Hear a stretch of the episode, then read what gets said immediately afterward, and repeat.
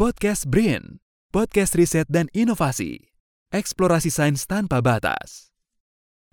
Halo kawan Brin, selamat datang di podcast Badan Riset dan Inovasi Nasional. Kali ini bersama saya Mauliza Dona Swinstani. Saya adalah peneliti dari Pusat Riset Politik Brin dan kali ini saya mau ngajakin kalian semua untuk yuk ngopi ngobrol politik bareng peneliti. Nah, jadi perlu kawan-kawan BRIN ketahui bahwa di BRIN ini tidak hanya mengkaji ilmu-ilmu eksakta atau hard science, tapi kita juga ada kajian-kajian tentang ilmu-ilmu sosial. Salah satunya adalah ilmu politik. Dan hari ini kita akan bahas tentang bagaimana partai politik dan demokrasi apakah saling menguatkan atau justru saling hmm, yuk kita cari tahu yuk. Kali ini kita sudah kedatangan salah satu profesor riset dari Pusat Riset Politik BRIN. Beliau adalah profesor riset yang fokus di bidang kajian tentang partai politik. Selamat datang Prof Firman. Selamat datang, terima kasih Don. Ini enaknya manggilnya Prof atau Mas atau Bapak Mas nih? aja. Oke, Mas Firman. Iya. Udah siap ya Mas Firman kita untuk ngobrol tentang partai politik ya? Oke, Nah, mungkin eh gini, banyak orang di luar sana yang belum tahu partai politik ini apa sih, Iya. kemudian sejarahnya gimana gitu. Dan apa cuma di negara demokrasi aja? Iya. Mungkin pendapat Mas Firman gimana? Iya, saya mungkin akan bercerita sedikit tentang sejarah kemunculan partai politik ya. Jadi kemunculan partai politik ini sejalan dengan semangat model kekuasaan baru, di mana eh, para penguasa eh, atau para pembuat kebijakan makin menyadari bahwa perlu semakin eh, keterlibatan rakyat itu perlu semakin kuat agar kebijakan nanti yang dihasilkan lebih komprehensif lagi, lebih mewakili kepentingan aspirasi masyarakat. Jadi sudah ada kesadaran itu di level penguasanya, di level elit politiknya. Kemudian juga di sisi lain, di level masyarakat juga sudah mulai tumbuh keinginan untuk lebih berpartisipasi di dalam kehidupan politik. Selain juga ada keinginan untuk lebih mewakili satu kepentingan, mewakili satu eh, eh, ideologi, mewakili satu kelas, mewakili satu kelompok atau komunitas masyarakat dengan beragam latar belakang budayanya. Dan juga yang ketiga, selain kesadaran elit dan masyarakat, itu memang ada kesempatan yang diberikan oleh uh, sistem kekuasaan pada saat itu untuk memang uh, mempersilahkan keterlibatan masyarakat lebih dalam lagi. Nah, di dalam konteks itu ada kemudian fenomena di mana eh, kelompok-kelompok penguasa di di parlemen itu kemudian membuka semacam simpul-simpul eh, atau cabang-cabang dari dirinya di tengah masyarakat. Dia menjadi broker politik yang kemudian memberikan informasi bro- broker itu memberikan informasi kepada mereka mengenai apa yang diinginkan oleh masyarakat. Nah, broker inilah yang nantinya menjadi cikal bakal partai politik yang dibentuk dari atas, dari elit. Jadi pembentukan partainya itu top down. Elit di parlemen uh, membentuk uh, broker politik tadi, lembaga yang bersifat broker tadi, dan kemudian lembaga ini akhirnya menjadi partai politik yang mewakili kepentingan uh, uh, pimpinan partai tadi, elit tadi dengan konstituennya. Itu yang bersifat top down. Ada lagi partai politik yang bersifat bottom up. Jadi ada kelompok-kelompok masyarakat, apakah itu kalangan buruh atau kalangan eh, ideologi tertentu, kalangan pengusaha, kalangan eh, yang mewakili eh, etnis tertentu yang ingin lebih eksis dan dilibatkan di dalam proses kebijakan. Nah, kalangan ini kemudian membentuk eh, asosiasi-asosiasi yang kemudian dia menjelma akhirnya menjadi partai politik. Nah, ini model partai politik yang dibentuk di luar parlemen. Dia berasal dari bawah. Misalnya apa? Misalnya partai buruh di Inggris. Ini dari kom- komunitas kaum buruh yang kemudian mereka berkumpul dan ikut eh, menyuarakan kepentingan eh, kelompok buruh. Nah, lama kelamaan mereka berevolusi menjadi eh, partai politik. Nah, bagaimana dengan demokrasi? Nah, eksistensi fenomena itu seiring dengan makin kuatnya arus demokrasi yang memang memberikan kesadaran-kesadaran baru bagi seluruh masyarakat untuk lebih terlibat lagi di dalam proses pembuatan kebijakan. Dan ini seiring dengan prediksi Hegel ya bahwa perjalanan sejarah kekuasaan itu berasal dari satu orang, segelintir orang dan akhirnya banyak orang Nah, di era modern ini kecenderungan untuk uh, makin banyak keterlibatan banyak orang di dalam kehidupan politik itulah yang kemudian difasilitasi oleh partai politik. Nah, bagaimana dengan Indonesia? Nah, Indonesia pada umumnya adalah uh, negara yang memang kebanyakan partainya itu bukan dibentuk dari parlemen, tapi memang dibentuk oleh ormas-ormas uh, atau oleh asosiasi-asosiasi dan juga diinisiasi oleh tokoh-tokoh uh, partai politik, tokoh-tokoh politik waktu itu ya sehingga kemarin kema kemudian mereka membentuk partai gitu. Partai uh, Islam misalnya dibentuk oleh komunitas uh, uh, uh, Muhammadiyah, Nahdlatul Ulama, kemudian mereka membentuk Masyumi misalnya dan lain-lain begitu ya. Begitu juga kalangan yang uh, punya pandangan ideologi nasionalisme membentuk satu perkumpulan yang kemudian akhirnya jadi partai begitu. So jadi da, pada dasarnya partai politik itu terbentuk sebagai upaya untuk lebih terlibat lagi di dalam proses pembuatan kebijakan sehingga kebijakan itu lebih aspiratif lagi. Dan juga tentu saja nanti kita akan bahas eh, bagaimana partai politik itu seharusnya berfungsi di dalam kehidupan demokrasi. Tapi intinya dengan situasi seperti itu, partai politik sebetulnya satu elemen penting yang menunjang kehidupan demokrasi dan demokrasi itu sendiri akhirnya adalah uh, ibu kandung dari partai politik. Okay. Uh, Max Weber mengatakan bahwa partai politik adalah anak kandung dari demokrasi sehingga demokrasi itu adalah ibu kandung. Nah, mengenai apakah hanya di negara demokratis, tentu saja tidak. -huh. Kita bisa lihat misalnya dulu uh, ada partai Nazi ya ketika ada fasisme di Jerman atau juga partai komunis di beberapa negara komunis yang tentu saja sistemnya adalah diktatorial ya atau otoritarian gitu. Bahkan juga di negara-negara yang otoriter termasuk di Indonesia misalnya di zaman Orde Baru ada juga partai politik. Jadi memang uh, tidak mesti satu uh, uh, partai politik itu ha hanya ada di negara yang demokratis, tapi juga ada ya di negara-negara otoriter. Perbedaannya adalah hanya dua hal. Yang pertama itu terkait dengan uh, seberapa besar mereka uh, diatur oleh negara. Yang kedua adalah seberapa besar mereka bisa memainkan peran partai politik yang sesungguhnya. Ya, di negara-negara otoriter peran itu sangat dibatasi dan fungsi-fungsinya juga dibatasi. Karena pada dasarnya uh, semua kepentingan negara itu tidak disalurkan melalui partai politik gitu Don. Oke, okay. berarti bisa aku tarik kesimpulan ya, partai yeah. politik itu tidak hanya di demokrasi, yeah. negara demokrasi saja, tapi juga uh, ada di negara dengan sistem yang lain, tapi ini merupakan khas banget. Jadi kalau negara demokrasi itu nggak boleh nggak ada partai politik gitu betul, ya Mas ya? Betul sekali. Oke, okay.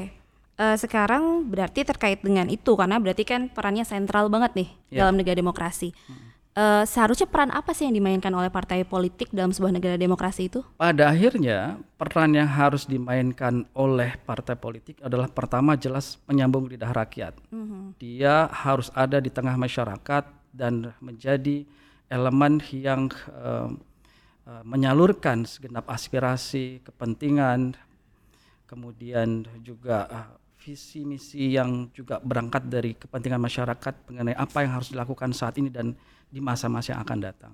Yang kedua, dia harus mencerminkan kedaulatan rakyat. Yeah. Iya. Bagaimana partai politik yang sesungguhnya adalah partai politik yang bersama rakyat, hmm. bukan jauh dengan rakyat dan juga tidak nyambung dengan kepentingan masyarakat. Dia harus engage gitu. Harus engage. Itu itu sejatinya partai politik seperti itu. Yang kedua, uh, dia harus memelihara nilai-nilai demokrasi, dia harus terus menjaga spirit demokrasi. Dia harus menjadi uh, uh, uh, uh, pelindung demokrasi dan dia harus uh, komit terhadap pelaksanaan demokrasi sehingga kalau ada partai-partai yang perilakunya atau pemikirannya anti demokrasi sesungguhnya dia bukan menjadi partai yang diharapkan atau sejalan dengan spirit demokrasi begitu. Oke, ya saya jadi penasaran Mas. Mm -hmm. uh, menurut Mas Firman Berarti partai politik di Indonesia ini seperti apa? Apakah sudah menjalankan yang tadi seharusnya dijalankan oleh partai di ya. negara demokrasi? Ya, salah satu indikasi yang bisa terlihat adalah bagaimana penilaian dari uh, masyarakat mengenai kondisi demokrasi kita. Hmm. Nah, pada hari ini kita bisa lihat beberapa lembaga uh, pemerhati demokrasi itu menilai Indonesia mengalami pada umumnya ya lembaga itu mengatakan uh, tengah mengalami stagnansi demokrasi. Bahkan ada yang mengatakan uh, mengalami regresi. Beberapa uh, ilmuwan pemerhati politik bahkan mengalami uh, mengatakan Indonesia sudah mengalami setback kembali ke masa otoritarian pada pada saat ini uh, dengan segenap argumentasi mereka tentu saja. Namun yang jelas memang kalau kita lihat beberapa lembaga besar seperti Freedom House mm-hmm. uh, atau Economic Intelligence Unit uh, atau juga IDEA hasil-hasil kajian terakhirnya itu uh, menunjukkan bahwa ada satu stagnansi yang serius terhadap demokrasi kita. Nah, oleh karena itu sebetulnya ini mengindikasikan ada yang salah dari elemen-elemen pendukung demokrasi termasuk partai politik. Hmm. Karena tentu saja kalau partai politik bisa berperan sebagaimana mestinya, tentu saja kondisi demokrasi kita jauh lebih baik sekarang ya atau menguat. Tapi kenyataan uh, belum demikian. Nah, ini ada problem memang, ada problem uh, uh, demokrasi kita yang terkait erat dengan partai politik. Ya, saya pernah menulis bagaimana sesungguhnya di Indonesia saat ini uh, partai politik adalah justru menjadi salah satu elemen yang membuat demokrasi kita tidak cukup berkembang pada akhirnya. Oh gitu. Ya. Uh, alasannya adalah pertama karena partai politik ini sebagai sebuah elemen yang menjadi uh-huh. Uh, sekolah atau kawah candera di muka politisi untuk bersikap bersikap dan bersifat dan berpikir demokratik itu justru menjelma menjadi satu lembaga yang anti demokratik. Oke, menarik. Ya, jadi Ya, ini sangat paradoks artinya partai-partai yang lahir dalam semangat demokrasi dan harusnya mengemban spirit demokrasi tapi dia menjelma menjadi uh, satu partai uh, partai-partai yang tidak terlalu kompatibel dengan spirit demokrasi. Sehingga yang mengatakan bahwa demokrasi internal partai-partai kita kebanyakan sudah mulai dying ya, sudah mulai mati suri. Di mana misalnya peran pimpinan partai so powerful, demikian berkuasa dan itu kemudian diterjemahkan menjadi suatu yang memang eh, tidak memberikan banyak kesempatan bagi kader-kader uh, untuk bisa berkiprah lebih maksimal lagi dengan spirit demokrasi. Masih ada kecenderungan politik dinasti misalnya. Kemudian masih ada kecenderungan untuk menghormati pimpinan secara berlebihan karena mungkin perannya dalam sejarah pembentukan partai atau perannya sebagai pemersatu partai, perannya yang demikian tinggi sehingga dia ditempatkan dalam posisi yang di atas rata-rata hmm. begitu sehingga demokrasi yang genuine tidak muncul juga mungkin karena memang pengaruh oligarki di dalam partai itu sehingga ada ketergantungan elit-elit dengan oligarki dan kebijakan yang kemudian dihasilkan itu lebih merupakan kompromi hmm. antara elit partai dengan oligarki sebagai penyandang dana okay. partai itu ya itu satu jadi nuansa di dalam partai politik sendiri itu tidak cukup kondusif mencetak kader-kader dan politisi yang juga punya mentalitas all out mhm. terhadap demokrasi. Ya. Terus uh, kemudian yang kedua di dalam internal partai juga kaderisasi tidak berjalan dengan baik, begitu ya sehingga pemahaman tentang politik yang bersih, politik yang penuh dengan idealisme, uh, politik yang penuh dengan ideologisasi, politik hmm. yang penuh dengan spirit demokrasi itu tidak berjalan di kebanyakan partai.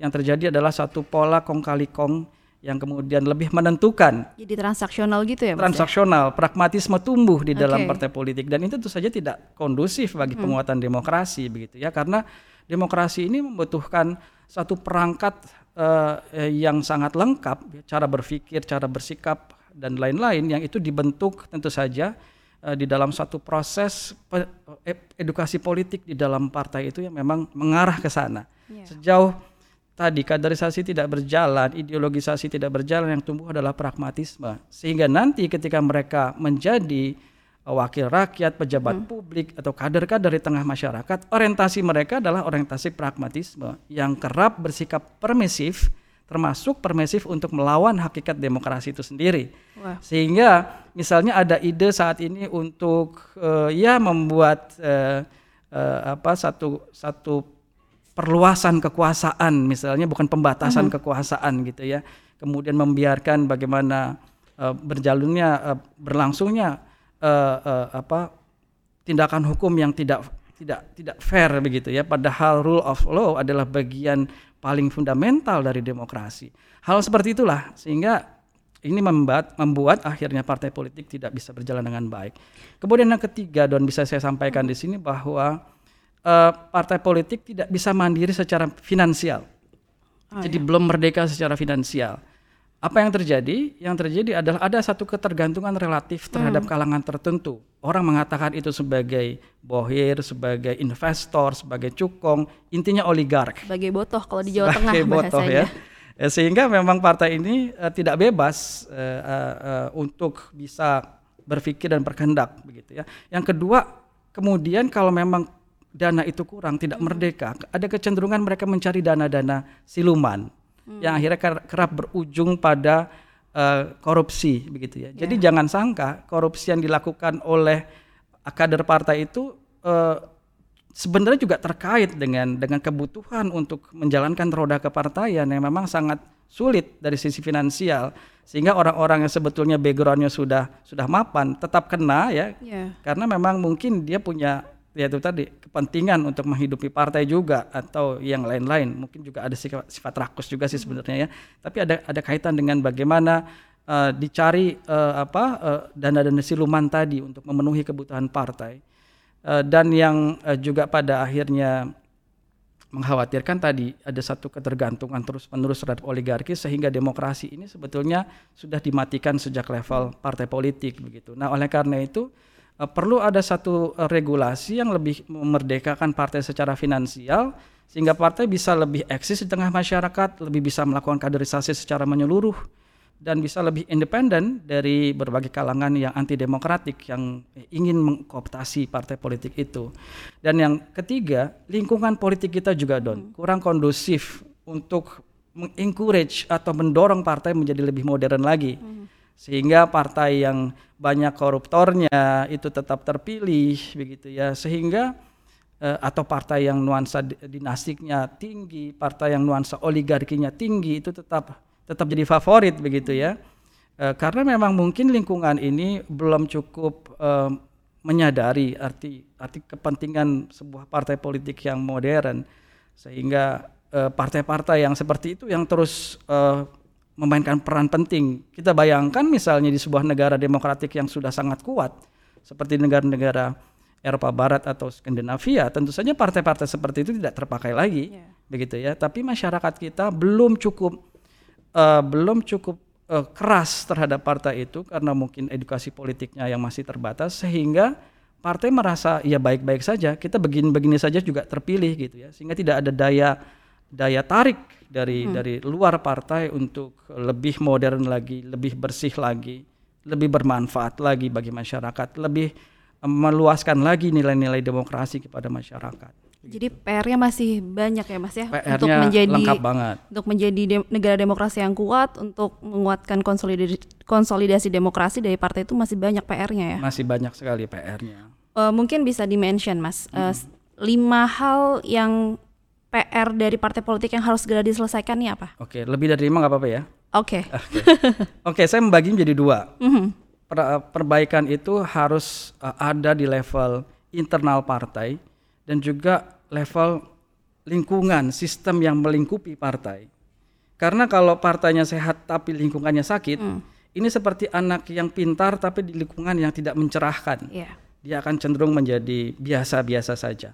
Sebaliknya, kalau lingkungannya sehat sebetulnya, tapi partainya sakit-sakitan, ya dia juga tidak akan berkembang mm-hmm.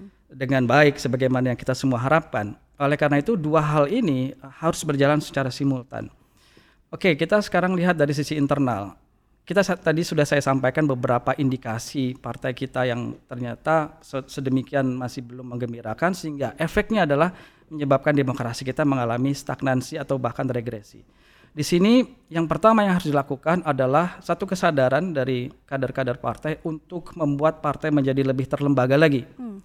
Ini istilah memang teknis ya, sangat hmm. teoritis pelembagaan partai politik. Tapi bisa saya sampaikan intinya adalah pelembagaan itu adalah mendahulukan sistem, mendahulukan aturan main di dalam partai di atas kepentingan elit ataupun tokoh utama di dalam partai itu. Jadi aturan yang dibikin itu nggak cuma dipajang ya, tapi hanya dijalankan dipajang. ya. Betul sekali, ya. Jadi uh, bukan sekedar aturan untuk dilanggar atau di, diabaikan tapi memang dipatuhi dan ini memang indikator penting dari sebuah partai disebut sebagai partai modern. Nah, kenyataannya di Indonesia saat ini aturannya apa, kemudian praktiknya apa gitu. Jadi banyak sekali uh, orang yang mengakali aturan atau mengatasnamakan, mengatasnamakan aturan untuk kepentingan-kepentingan uh, pribadi sebetulnya atau kelompok gitu ya perpecahan partai juga sebetulnya ada indikasi bagaimana aturan itu tidak benar-benar dipatuhi. Nah, tapi kita mungkin akan bahas itu di sesi yang lain ya mengenai perpecahan partai politik. Uh, yang kedua, saya kira penting adalah bagaimana ideologisasi atau bahasa teknis teoritisnya value inversion itu diterapkan melalui kaderisasi yang intens ke seluruh partai, seluruh kader partai maksud saya sehingga kemudian muncul satu mentalitas yang lebih bertanggung jawab, bukan mental pragmatis, juga punya mental demokratik yang tinggi karena mengalami satu edukasi politik yang rigorous, yang bertahap, yang eh, sangat bisa dipertanggungjawabkan. Dan kemudian hasil dari kaderisasi ini merupakan patokan bagi setiap kader untuk di mana dia nantinya akan berdiri posisinya. Apakah dia akan menjadi kader yang biasa-biasa saja atau dia akan menjadi pejabat di dalam partainya atau dia akan dicalonkan untuk menjadi pejabat publik. Mm-hmm. Nah, ini harus berdasarkan hasil-hasil yang terukur. Eh, hasil-hasil yang bisa dipertanggungjawabkan bukan simply karena dia berdekatan dengan elit atau berdekatan dengan oligarki gitu. Jadi yang kedua adalah perlu satu kaderisasi yang serius yang berlangsung secara kontinum dan diliputi oleh semangat pendewasaan hmm. agar nanti dia menjadi uh, negarawan tidak hanya sekedar politisi. Jadi perlu juga merit system di dalam kaderisasi parpol ya Mas? Ya? Sangat dan memang tujuannya adalah itu. Mm-hmm. Tujuan dari kaderisasi adalah merit system tadi mm. karena kalau tidak berdasarkan hasil yang jelas ukurannya tentu saja ini akan akan uh, membiasakan uh, orang untuk bersifat uh, kong kali kong di dalam berpolitik tanpa aturan yang memadai. Oke, itu dari sisi yang eh, internal. Dari sisi eksternal saya kira yang juga penting adalah adanya satu regulasi yang tidak menyebabkan partai ini mencari cara uh, untuk bisa eksis dan berperan. Saya ingin menyorot banyak sekali regulasi, tapi saya ingin menyoroti yang sedang menjadi uh, sorotan publik. Ya, ini aturan uh, presidensial threshold yang uh, 20% uh, kursi dan 25% suara tadi. Hmm. Ini secara tidak langsung itu membunuh eksistensi partai politik yang sehat hmm. karena dia kehilangan hak untuk bisa mencalonkan kadernya uh, untuk bisa berkiprah lebih tinggi lagi sehingga kaderisasi menjadi tidak penting. Hmm. Uh, ya kita tinggal tunggu saja hasil polling, hasil hmm. survei dan kita dukung orang yang paling populer itu. Hmm. Sehingga ini mematikan spirit untuk kaderisasi. Dengan kata lain ini juga mematikan spirit untuk menghasilkan tokoh-tokoh politik hebat sebetulnya. Kemudian yang kedua, uh, kita uh, juga penting untuk mendorong bukan melemahkan civil society. Hmm. Hari ini kecenderungannya civil society so-so lah, tidak dikuatkan tapi juga tidak eh, tidak tidak dilemahkan tapi juga tidak dikuatkan intinya yeah. gitu sehingga partai politik kehilangan part partner idealisnya. Hmm. Partner idealis yang juga objektif sehingga memang uh, civil society ini penting dan juga akhirnya kita bicara tentang political education buat semuanya. Jadi ya uh, itu ya dan tentu saja tadi terkait juga harus ada kemerdekaan dari sisi finansial. Itu juga penting untuk memperkuat partai politik. Wah, banyak banget PR yang harus diselesaikan banyak, dan ya. dan ini bisa jadi catatan ya untuk kawan Brain semua yang lagi menyaksikan uh, podcast Brain baik melalui Spotify maupun melalui YouTube. Ayo, tadi uh, Mas Firman sudah bilang bahwa civil society itu penting. Kita adalah bagian dari civil society. Jadi kita juga harus jadi pengawas dan partner juga ya, betul, ya mas ya sekali, ya. bagi partai politik. Jadi jadi watchdog juga untuk betul, partai. jadi watchdog juga. Sayang banget Mas Firman kita yeah. Ya. uh, waktunya terbatas, tapi yeah. ini obrolan yang sangat menarik dan saya yakin pasti kawan Brin di luar sana juga menunggu-nunggu nih besok kita bahas partai apa lagi gitu kan, yeah. apalagi yeah. tentang partai politik yang akan dibahas. Nah Sayang sekali kita sudah sampai di penghujung obrolan kita ini, di penghujung Yuk Ngopi dan kita bisa bertemu lagi di edisi berikutnya, di edisi podcast Brin khususnya yang bahas tentang politik di Yuk Ngopi dan kali ini saya Moliza Dona beserta Mas Firman undur diri. Salam eksplorasi sains tanpa batas. Bye. Podcast Brin, podcast riset dan inovasi. Eksplorasi sains tanpa batas.